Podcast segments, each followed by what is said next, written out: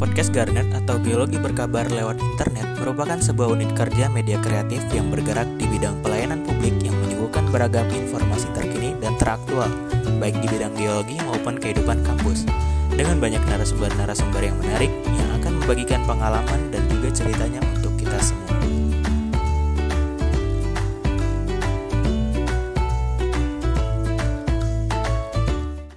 Ya, selamat siang Pak Agung.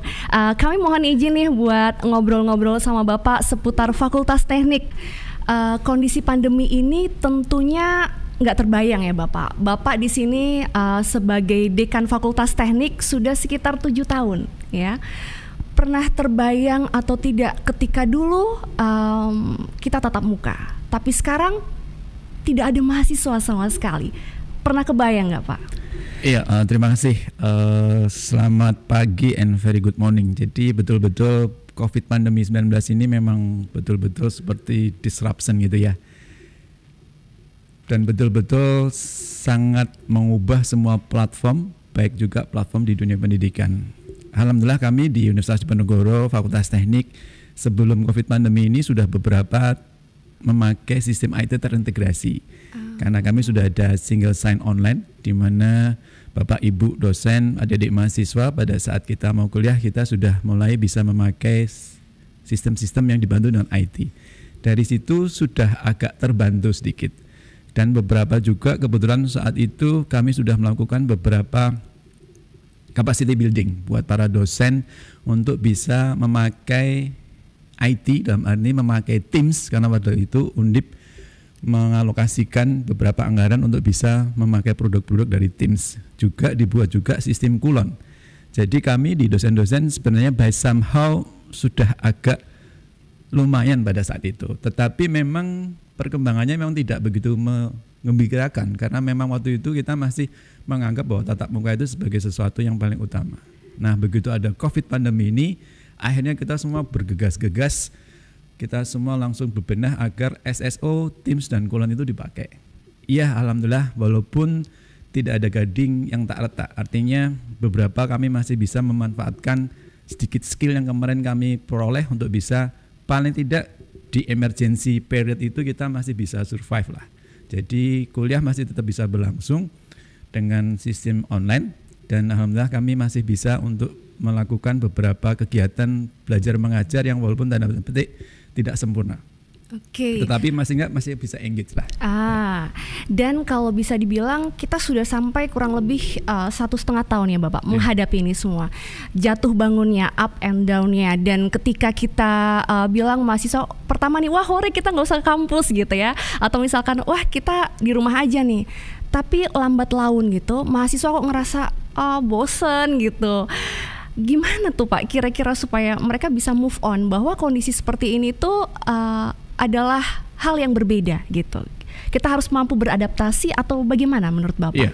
Jadi kalau menurut saya masing-masing harus bergerak ya. Jadi saya sering kali kalau saya bicara di depan ada di mahasiswa, kalau bisa jangan mager, please, jangan mager please gitu, gitu ya. Artinya mari kita terus bergerak karena dengan adanya pandemi ini by somehow ada beberapa hikmah yang bisa kita ambil. Betul. Beberapa hmm. hal setelah mungkin ini hampir satu tahun kita kena COVID pandemi, kami di teknik pun sudah mempersiapkan beberapa capacity building lagi untuk the next period. Kami hmm. ingin agar para dosen itu ditambah juga dengan skill-skill IT. Dalam arti hmm. bisa pakai Jamboard untuk bisa active learning, bisa break out the room, bisa pakai Menti untuk bisa quiz dan sebagainya. Dan itu sekarang kami persiapkan untuk menjadi satu bentuk pelatihan buat para dosen.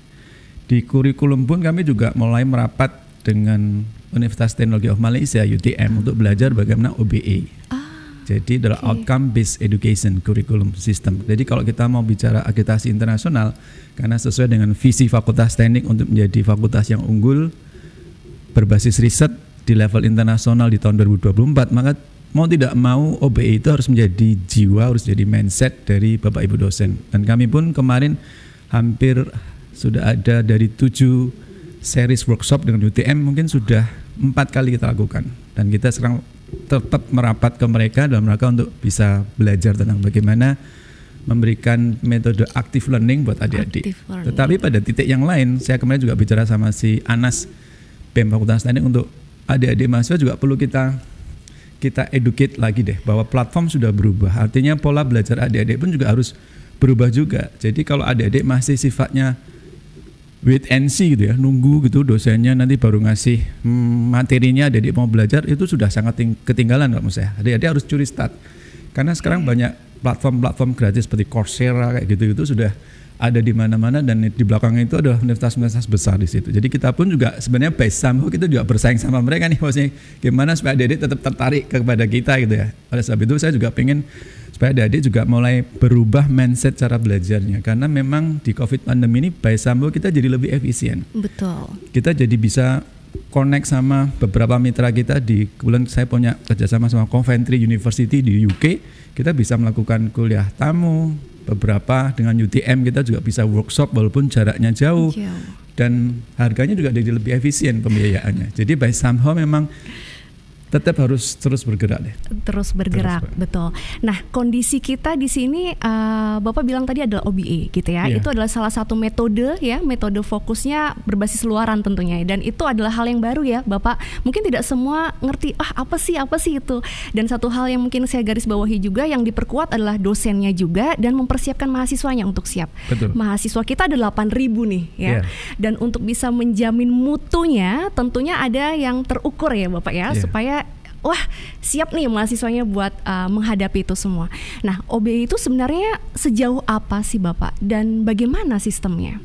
Jadi kalau kita bicara OBE sebenarnya diawali pada saat cita-cita Fakultas Teknik untuk menjadi tadi, untuk menjadi fakultas yang unggul berbasis riset di dunia internasional. Pada saat kita bicara international forum, international level, artinya kita harus memakai standar-standar internasional baik dalam tata kelolanya, baik dalam kurikulumnya, baik dalam akreditasinya. Nah, salah satunya adalah Fakultas Teknik mendorong beberapa prodi untuk mengambil akreditasi internasional. Jadi sudah ada batch pertama ada lima ah, prodi. Lima. Jadi ada Departemen Teknik Mesin, Mesin. Teknik Kimia, Teknik mm -hmm. Sipil, Teknik Industri dan Teknik Lingkungan itu sebagai batch pertama. Setelah itu kita dorong lagi batch kedua di mana di situ masuk Departemen Teknik Geologi, Teknik Geodesi, teknik komputer, teknik elektro masuk di situ posisinya dan teknik perkapalan. Itu sebagai batch kedua. Kita dorong untuk bisa terakreditasi internasional. Jadi bagi kami akreditasi internasional adalah bagian dari perwujudan dari visi fakultas teknik pada saat kita bicara international level. So it mean that every single tata kelola the management you have to be follow the international standard. Okay. Dan OBE adalah bagian dari kurikulum untuk kita bisa mencapai akreditasi internasional betul juga tadi bahwa OBE itu berbasis bagi keluaran dari mahasiswa. Keluar. Dan ini memang harus kita lakukan Artinya di sini bahwa kita harus punya strategi menghantarkan adik-adik. Jadi pada saat adik-adik lulus itu tidak terus putus hubungannya, tetapi tiga empat tahun ke depan harus tetap harus kita hantarkan supaya komunikasi dengan kampus tetap terjaga. Dan ini juga menjadi peluang untuk mewujudkan Merdeka Belajar Kampus Merdeka. Oh, ya. Oke. Okay. Nah, kalau fakultas teknik itu identik sama praktikum, Bapak. Hmm. Iya kan? Dan kalau kita ngomong perkuliahan, wah, perkuliahan ya udah deh kita uh, jarak jauh gitu. Tapi kalau kita nih uh, misalkan uh, kita nggak megang sesuatu atau kita nggak ngelihat dia secara dekat, kayaknya ada yang berbeda gitu. Bagaimana kalau kita memulai praktikum itu ada yang bisik-bisik ah besok kita hybrid gitu atau besok kita blended gitu tentang praktikum itu bener nggak sih pak tentang hal itu? Iya memang ide untuk bisa hybrid ide untuk bisa blended memang sudah banyak terdengar dan kita pun juga tidak bisa menafikan itu. Saya juga yakin adik-adik pun kalau ditanya pengen di rumah apa pengen sekolah mungkin banyak yang ngomong pengen sekolah pastinya seperti itu ya karena rindu dengan masa-masa untuk bisa ngopi bareng bikin tugas bareng. Tetapi memang secara defaultnya kalau kita bicara aturan, memang kita harus mematuhi aturan. Karena itu menjadi salah satu dasar kita untuk melangkah. Karena kita adalah Betul. institusi resmi ya. Dalam iya. arti kita adalah institusi pemerintah. Jadi kita harus ikut atau follow dari aturan-aturan yang ada. Jadi secara defaultnya memang Pak Rektor pun sampai saat ini masih mengatakan bahwa kita akan kuliah tetap online atau daring. Tetapi okay. memang kami pun sekarang sudah berusaha untuk curi start untuk bisa mempersiapkan bagaimana kalau benar-benar tadi hybrid tadi. Nah, kami sekarang sudah mulai mendorong untuk para dosen juga nanti akan kita berikan beberapa tenaga admin kita berikan kursus untuk bisa bagaimana broadcast ini seperti adik-adik geologi ini keren nih. Ini jadi satu tim aja besok tak sewa aja nih besok. untuk bisa mungkin membuat film dan video-video di masing-masing departemen untuk terutama di laboratoriumnya. Jadi ya memang sekali lagi tidak akan bisa menggantikan persis, tetapi kami berusaha hmm. supaya masing-masing laboratorium itu punya video-video, punya modul-modul, punya exercise-exercise yang nantinya mungkin bisa untuk sebagai wahana untuk kita berlatih. Tapi juga mohon izin seperti lari estafet antara yang memberi tongkat itu kan harus berlari. Sementara yang akan menerima tongkat pun juga harus berlari. Jadi artinya adik-adik pun juga harus harus, harus posisinya harus berusaha. Jadi jangan sampai terlalu pasif itu ya. Dalam arti tetap harus mencoba curiosity-nya atau rasa ingin tahunya dibangun itu. Dalam arti ya kami juga kemarin ngomong sama si Anas BEM itu. Ini bagaimana nih ya sama adik-adik yang mungkin kan tidak cuma di Semarang, yeah. ada yang di Kudus, mungkin ada di Surabaya, ada di mungkin di Kalimantan, di Sulawesi. Kami lagi mendorong supaya mungkin pada saat PMB nanti ada perwakilan masing-masing kota mungkin ya. Mungkin ada kakak kelasnya di situ sebagai sistem sel untuk bisa menceritakan bahwa kampusnya ini benar-benar ada loh. Jangan-jangan jangan-jangan nggak ada di kampusnya. Jadi kami lagi mencoba sama BEM sama Anas untuk mencoba membuat uh, beberapa sistem sel terhadap kakak kelas yang mungkin ada di kota tersebut untuk bisa engage dengan adik kelasnya. Ya, ini adalah usaha kami. Jadi sebenarnya ibaratnya kami kan pengen satu nguwongke itu ya buat yeah. para mahasiswa itu supaya tetap engage, tetap warm gitu ya. Dan kedua, semoga komunikasi tidak putus. Ya walaupun Betul. memang ya this is, this is a challenge, tapi Betul. ya marilah kita kita hadapi dengan happy gitu ya, dengan positive thinking dan mari kita tetap maju.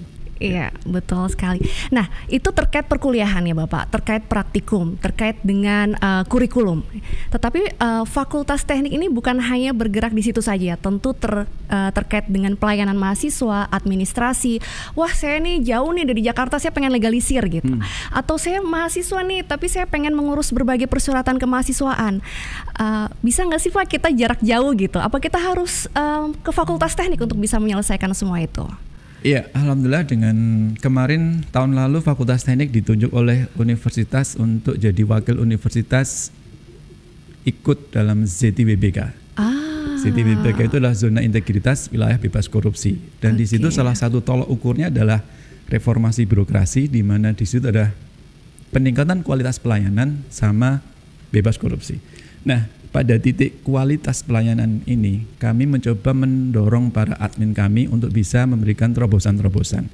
Salah satunya adalah legalisir ijazah online. Jadi hmm. kami sudah mulai mengendorse uh, program ini di mana para alumni kalau mau legalisir ijazah nggak perlu ke kampus itu ya. Jadi cukup mendaftar di web, okay. nanti di helpdesknya itu ditanggapi oleh kita dan kita kerjasama sama PT JNT JNT. Jadi nanti kita kirim lewat JNT itu dan nanti tetap akan dibayar oleh alumni di sana. Oh, Karena kayak paket-paket itu ya, Pak ya? Iya, paket. Dan memang kita memang tidak boleh mengambil mengambil tarif di situ. Jadi memang semua bersifat free dan gratis. Itu kalau kita bicara legalisir ijazah online. Alhamdulillah sudah kita endorse dan lumayan sudah hampir 100 atau 150 yang memanfaatkan itu.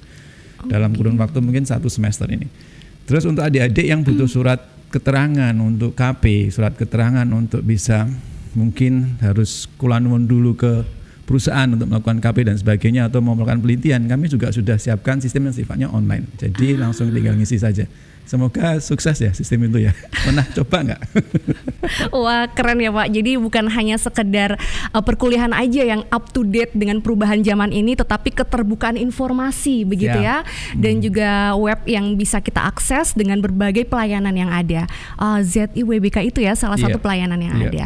Dan kalau ngomong-ngomong tentang itu, itu termasuk inovasi nggak sih Pak? Iya sebenarnya. Uh, itu adalah program dari Pak Presiden Jokowi. Jadi Pak Jokowi gemes mungkin ya. Kalau kita lihat Moniji ini contohnya dwelling time. Semoga paham dwelling time ya.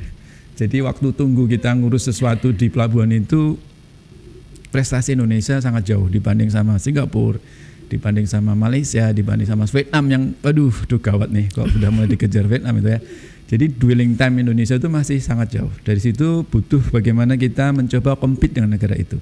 Nah, salah satu yang disasar oleh Pak Presiden adalah bagaimana kualitas pelayanan para admin kita dan salah satunya adalah di posisi-posisi itu. Nah, hmm. makanya sekarang hmm. diadakan reformasi birokrasi itu cita-cita Pak Presiden sampai tahun 2024. Jadi diharapkan okay. para admin kita itu tenaga admin kita itu bisa betul-betul sigap dan memang punya jiwa melayani. Nah ini PR nih buat kita. Karena memang namanya watuk sama watak itu ya. Mohon maaf ya pakai bahasa Jawa. Watuk itu kalau dikasih obat yang mungkin sembuh ya. Tapi watak itu kadang-kadang misalnya nih adik mohon maaf nih kita semua habis mandi handuk cuma dibroke gitu aja nggak mau dijereng lagi. Itu bolak-balik dikandani yo gitu terus. Waduh. Nah ini bedanya watuk sama watak. Akhirnya saya bicara sama teman-teman di bahwa ZDWBK itu adalah behave ya adalah hmm. mindset jadi bukan hanya berhenti di posisi borang laporan formnya tetapi itu harus menjadi jiwa kita semua dan sekali lagi itu pasti butuh waktu tadi ya antara watuk sama watak tadi maksudnya kalau watuk kasih obat ya semoga satu minggu sembuh ya. tapi watak tadi habis mandi nggak balik ke anduk tuh ya berusaha bolak balik di kandangnya orang mari-mari Oke mungkin gitu ya. Tapi kami okay. tetap berusaha. Tapi berusaha. ya namanya juga proses ya. Betul. Proses. Artinya kita harus enjoy the process dan itu bagian dari kita untuk memberikan peningkatan kualitas pelayanan buat adik-adik mahasiswa. Oke, nah itu sudah terkait dengan pelayanannya Bapak ya. dan memang semuanya tujuannya itu adalah supaya kita pengen output mahasiswa yang masuk ke fakultas teknik gitu ya adalah uh, orang-orang yang keren gitu, yang yang besok wah berprestasi gitu. Itu yang kita inginkan dari para mahasiswa juga. Nah, gimana nih Pak ketika kita nggak ketemu mahasiswanya padahal berbagai perlombaan selalu aja ada gitu ke meja kita gitu. Wah ini besok perlombaannya tanggal satu ya baik itu plus presnas ataupun uh, dari uh, luar negeri begitu. Bagaimana caranya supaya anak-anak punya semangat yang sama dan mereka tetap punya rasa wah saya juga tetap harus berprestasi nih gitu? Gimana Pak Ya ini merupakan satu tantangan memang antara kita bisa menyentuh adik-adik sama sekarang kita harus berposisi online. Sekali lagi memang harus dua belah pihak. Jadi adik-adik pun juga harus tertanam di mindsetnya bahwa jangan sampai nanti tiba-tiba kok saya lulus ya. kok saya lulus nih gimana nih? Nah jangan sampai seperti itu. Jadi anda lulus itu memang sudah di by design. Saya mau lulus tahun kapan nih? 2022, 2023 itu harus didesain seperti itu Terus setelah itu skill apa yang mau saya ambil nih selama sama selama saya jadi mahasiswa. Jadi kalau mau kan jangan sampai jadi average student gitu ya. Jadi harus jadi sesuatu yang distinguish gitu ya.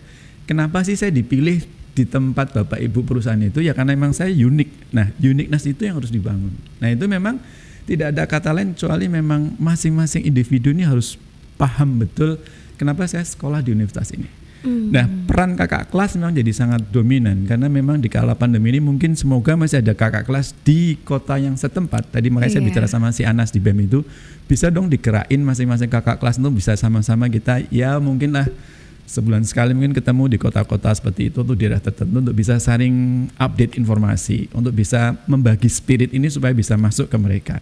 Oke, okay. nah kadang-kadang kan kalau mahasiswa-mahasiswa di organisasi itu kadang-kadang suka mensuarakan hal-hal ya Pak ya, baik itu apa yang ada di pikiran mereka, apa yang mereka diskusikan, macam-macam. Uh, apakah dalam kondisi seperti itu uh, sangat sangat mendukung gitu dengan fakultas teknik dengan ya, bagi kami itu. Uh, itu adalah bagian dari latihan buat adik-adik untuk bisa pertama adalah latihan communication skill ah. waktu itu kedua juga mungkin jadi latihan untuk bisa kita diskusi sama-sama orang-orang gede nih sama-sama uh. orang dewasa yang bisa mikir sama mikir loh ya. Yeah. Jangan yang satu bermikir yang satu enggak loh ya. Dan sama-sama kita adalah NKRI loh ya. Yeah, kayak gitu. Jadi kita harus di platform yang sama lah. Tapi bagi kami itu sesuatu hal yang biasa karena usia-usia di tangan adik-adik itu memang usia-usia yang dalam tanda petik energinya gede, Energi gitu kan, besar. sangat besar. Terus kami juga butuh untuk memberikan motivasi, memberikan inspiring buat adik-adik supaya bisa mulai terbentuk lah kayak gitu. Karena memang karir Anda besok itu by somehow memang titik-titik sebagai masa ini menentukan. Yeah. Turbulensi mm. pertama adalah dulu mungkin waktu memilih. Saya mau milih geologi, geodesi, apa sipil itu bingung. Tuh. Milih bingung kan. Teman saya kok milih itu, saya kok enggak bingung. Setelah lewat turbulensi itu nanti lulus tuh turbulensi lagi. Uh, lulus itu turbulensi lagi. Ini yeah. saya mau ke mana nih ya? Kejabat. Nah itu jangan sampai seperti itu. Makanya mm. apalagi sekarang ya. Makanya saya tadi saya bicara bahwa kami juga akan repositioning bagaimana mata kuliah kewirausahaan. Jadi okay mata kewirausahaan harusnya betul-betul memberikan pencerahan buat adik. Karena sekarang ini adalah salah satu berkah kita adalah di masa pandemi ini bagaimana mungkin dulu kita tidak bayangin bahwa kita bisa pesan bakminya Pak Gareng itu posisi jam 7 malam bisa datang di depan pintu kita. Iya. Sekarang sudah sangat mungkin. Kita mungkin nggak mungkin pesan pecelnya Bu Sumo gitu jam 4 pagi gitu atau jam 4 sore gitu posisinya datang di depan pintu kita. Sekarang bisa terjadi. Iya, Artinya bahwa platform sudah berubah. Yang diperlukan adalah champion-champion, yang diperlukan adalah inovasi-inovasi. Artinya memang kita harus menggerakkan adik-adik untuk bisa lebih critical thinkingnya terasa deh. Betul. Nah itu tantangan kita semua supaya nanti mereka bisa survive. Iya. Karena nggak cuma IPK Bapak ya, Betul. bukan hanya IPK, harus mampu mengorganize, harus punya attitude yang baik, Betul. critical thinkingnya oke gitu Iya. ya, Dan full berani pack. mencoba. Ah, oke. Dan berani mencoba. Berani Jadi kalau mencoba. misalnya sekali gagal ya this is part of the life. Ah, iya, coba aja terus pokoknya Iya, ya. Part of the game. Ya kayak saya Ah. maintenance kalah ya sudah itu Iya. bagian dari part of the game. Tapi kan bukan berarti tuh saya berhenti maintenance tuh. Ah, ah, ngomong-ngomong soal tenis, wah, berarti bapak hobinya main tenis. Siap. Iya, hobinya main Sejak tenis. SD, oh, sejak sejak SD. SD. Iya. Oke. Nah, ini eh, Pak Agung itu adalah sosok yang memang kalau kami nih lihat nih dari luar ya, so blessed, so lucky gitu, begitu diberkahi, begitu beruntung. Amin. Alhamdulillah, amin. seorang guru besar gitu ya, terus juga secara struktural adalah seorang dekan gitu. Untuk menjadi seperti sosok seperti ini, gimana sih Pak caranya? Ya pertama memang diperjalankan Allah gitu ya. Terus kedua memang harus banyak variasinya. Jadi kebetulan saya memang pertama kali jatuh cinta sama olahraga. Jadi bermain tenis itu bagi saya sejak SD. ah, Dari situ pun saya mengalami beberapa kompetisi-kompetisi. Dulu ada kompetisi tingkat SD, SMP, SMA gitu ya. Jadi kalau mau ikut kompetisi so besok nggak nggak bisa tidur nih. Pengen cepet main nih gimana nih. Dan kadang-kadang harus berpindah dari satu kota ke kota lain. Artinya di situ kan kita harus melakukan adaptasi. adaptasi. Dan olahraga bagi kami adalah bagi saya pribadi adalah salah satu pelajaran karakter. Hmm. Karena di situ kita tidak mungkin instan ya, nggak mungkin lah anda jadi seperti Susi Susanti itu hanya latihan sehari itu nggak gitu. mungkin. Oke. Jadi Susi Susanti itu misalnya sehari bisa seribu shuttlecock nih dia pukul. Ah. Jadi sesuatu yang harus betul-betul tidak instan. Dua betul-betul butuh ketekunan. Ada passion di situ. Terus ketiga ya Oke. kita harus men- bisa menikmati naik turunnya. Kadang-kadang menang, kadang-kadang kalah, kadang-kadang kalah lagi, kalah lagi. Tapi kan nggak boleh berhenti ya. oke. Ya sama lah dalam kehidupan ini. Kadang-kadang kita jadi the winner, sometimes kita the loser. Jadi bagi kami olahraga itu adalah salah satu pembentukan karakter bagi Oke. saya seperti itu. Kedua, alhamdulillah saya bisa masuk menjadi paskibraka. alhamdulillah. Ah, Jadi saya wakil Jawa Tengah di tahun 1984 bisa mengibarkan bendera pusaka di istana. Itu menjadi salah satu juga satu open mind saya juga bagaimana uh ternyata kita bisa loh bersaing di tingkat-tingkat nasional gitu. Waktu itu saya pengen dapat jaket di mana di belakangnya tertulis Indonesia, gitu ya. Indonesia. Wah, akhirnya saya raih pada saat saya di Paskibraka itu.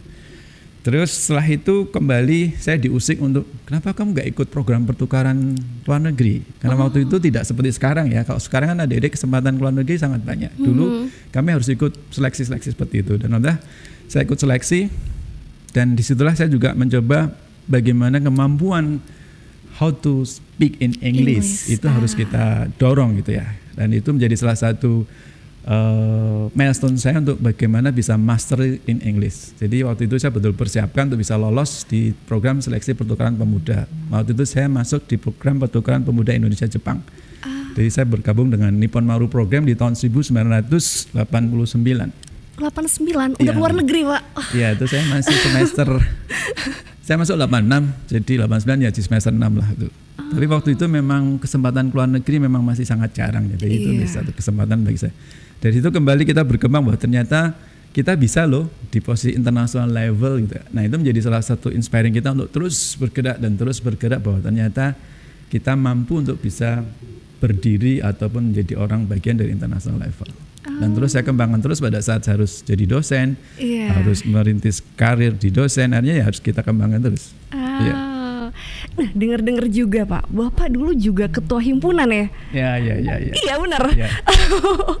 jadi pernah jadi ketua himpunan, jadi bukan hanya sekedar olahraga, bukan hanya jadi paskibraka nasional ke luar negeri, tapi juga uh, merangkul semua teman-temannya di satu jurusan.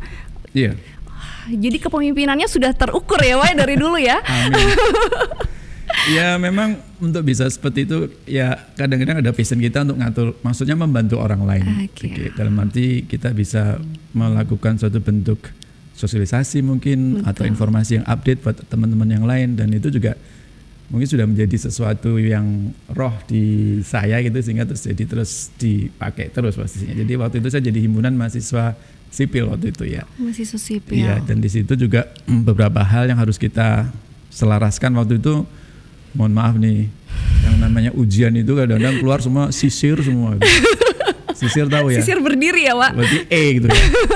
Terus kalau ditanya berapa IP-mu, rapido deh.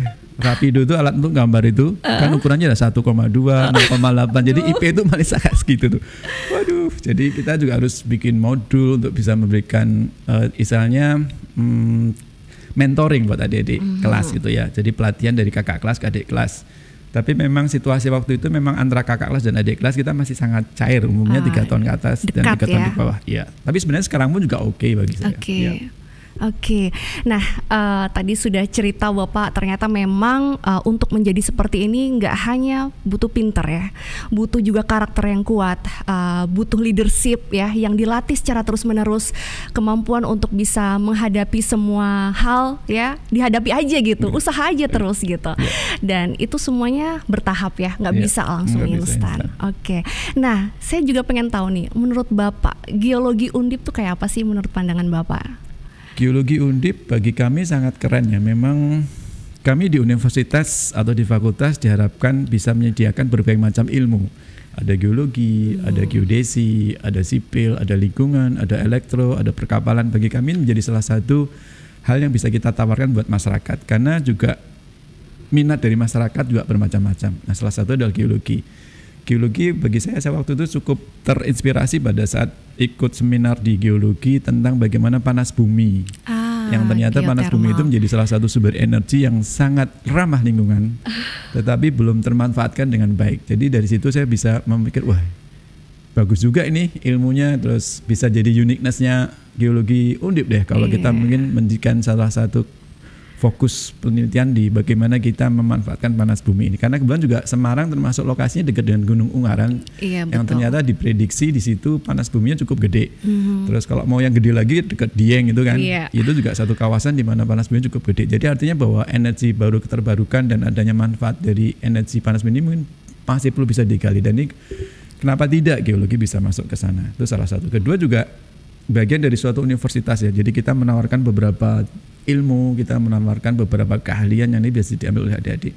Dan prestasi adik-adik mahasiswa geologi cukup keren karena beberapa sudah jadi chapter internasional something-something badan kemahasiswaan iya. geologi di tingkat internasional ya. Jadi itu ada sesuatu hal yang bisa kita dorong dan kemudian ada Pak Thomas yang punya banyak kerjasama sama Aachen University di Jerman. Jadi saya pernah ketemu sama Profesor Thomas eh Profesor Ruth, Prof. ya Profesor yeah. Ruth ya waktu itu kita punya kerjasama di mana mereka bisa memberikan satu bentuk ke kuliah lapangan hmm. di mana bergabung antara beberapa mahasiswa dari Jerman dan beberapa mahasiswa di Indonesia.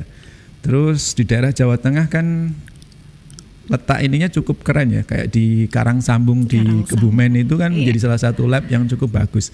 Dan kemarin saya juga pernah berkunjung ke Bayat itu, di mana ada labnya itu. Walaupun di situ geologi UGM sudah di situ dulu ya. iya betul. Tapi kan kita masih bisa yang di Karang Sambung itu kalau memang yeah. saya baca beberapa koran itu kelihatannya mau jadi cagar alam yeah. nasional ya. Betul. Nah, kenapa kita undip nggak cepet-cepet ke sana dulu gitu ya? kita bikin petak dulu di sana kayak kucing jantan tuh di UUIC gitu ya. punyanya undip nih. Iya, kampus lapangan ya Bapak. Iya, betul saya sangat mendorong untuk bisa seperti itu. Jadi why not? Dan kita punya banyak mitra dalam arti kerjasama network dengan Pemda Kabupaten Kebumen, ah. dengan beberapa Pemda sekitar untuk bisa kita cepat aja. Jadi yang yang dibayar dipindah ke Karang Sambung aja posisinya. Amin yang kenceng. Oke, tadi kita sudah ngobrol-ngobrol banyak Bapak terkait dengan Fakultas Teknik bahkan sampai ke geologi. Nah, ini saya mau ngasih beberapa pernyataan oh, ya. Siap. Bapak nanti boleh menjawab mitos atau fakta. Oh, siap. Oke ya.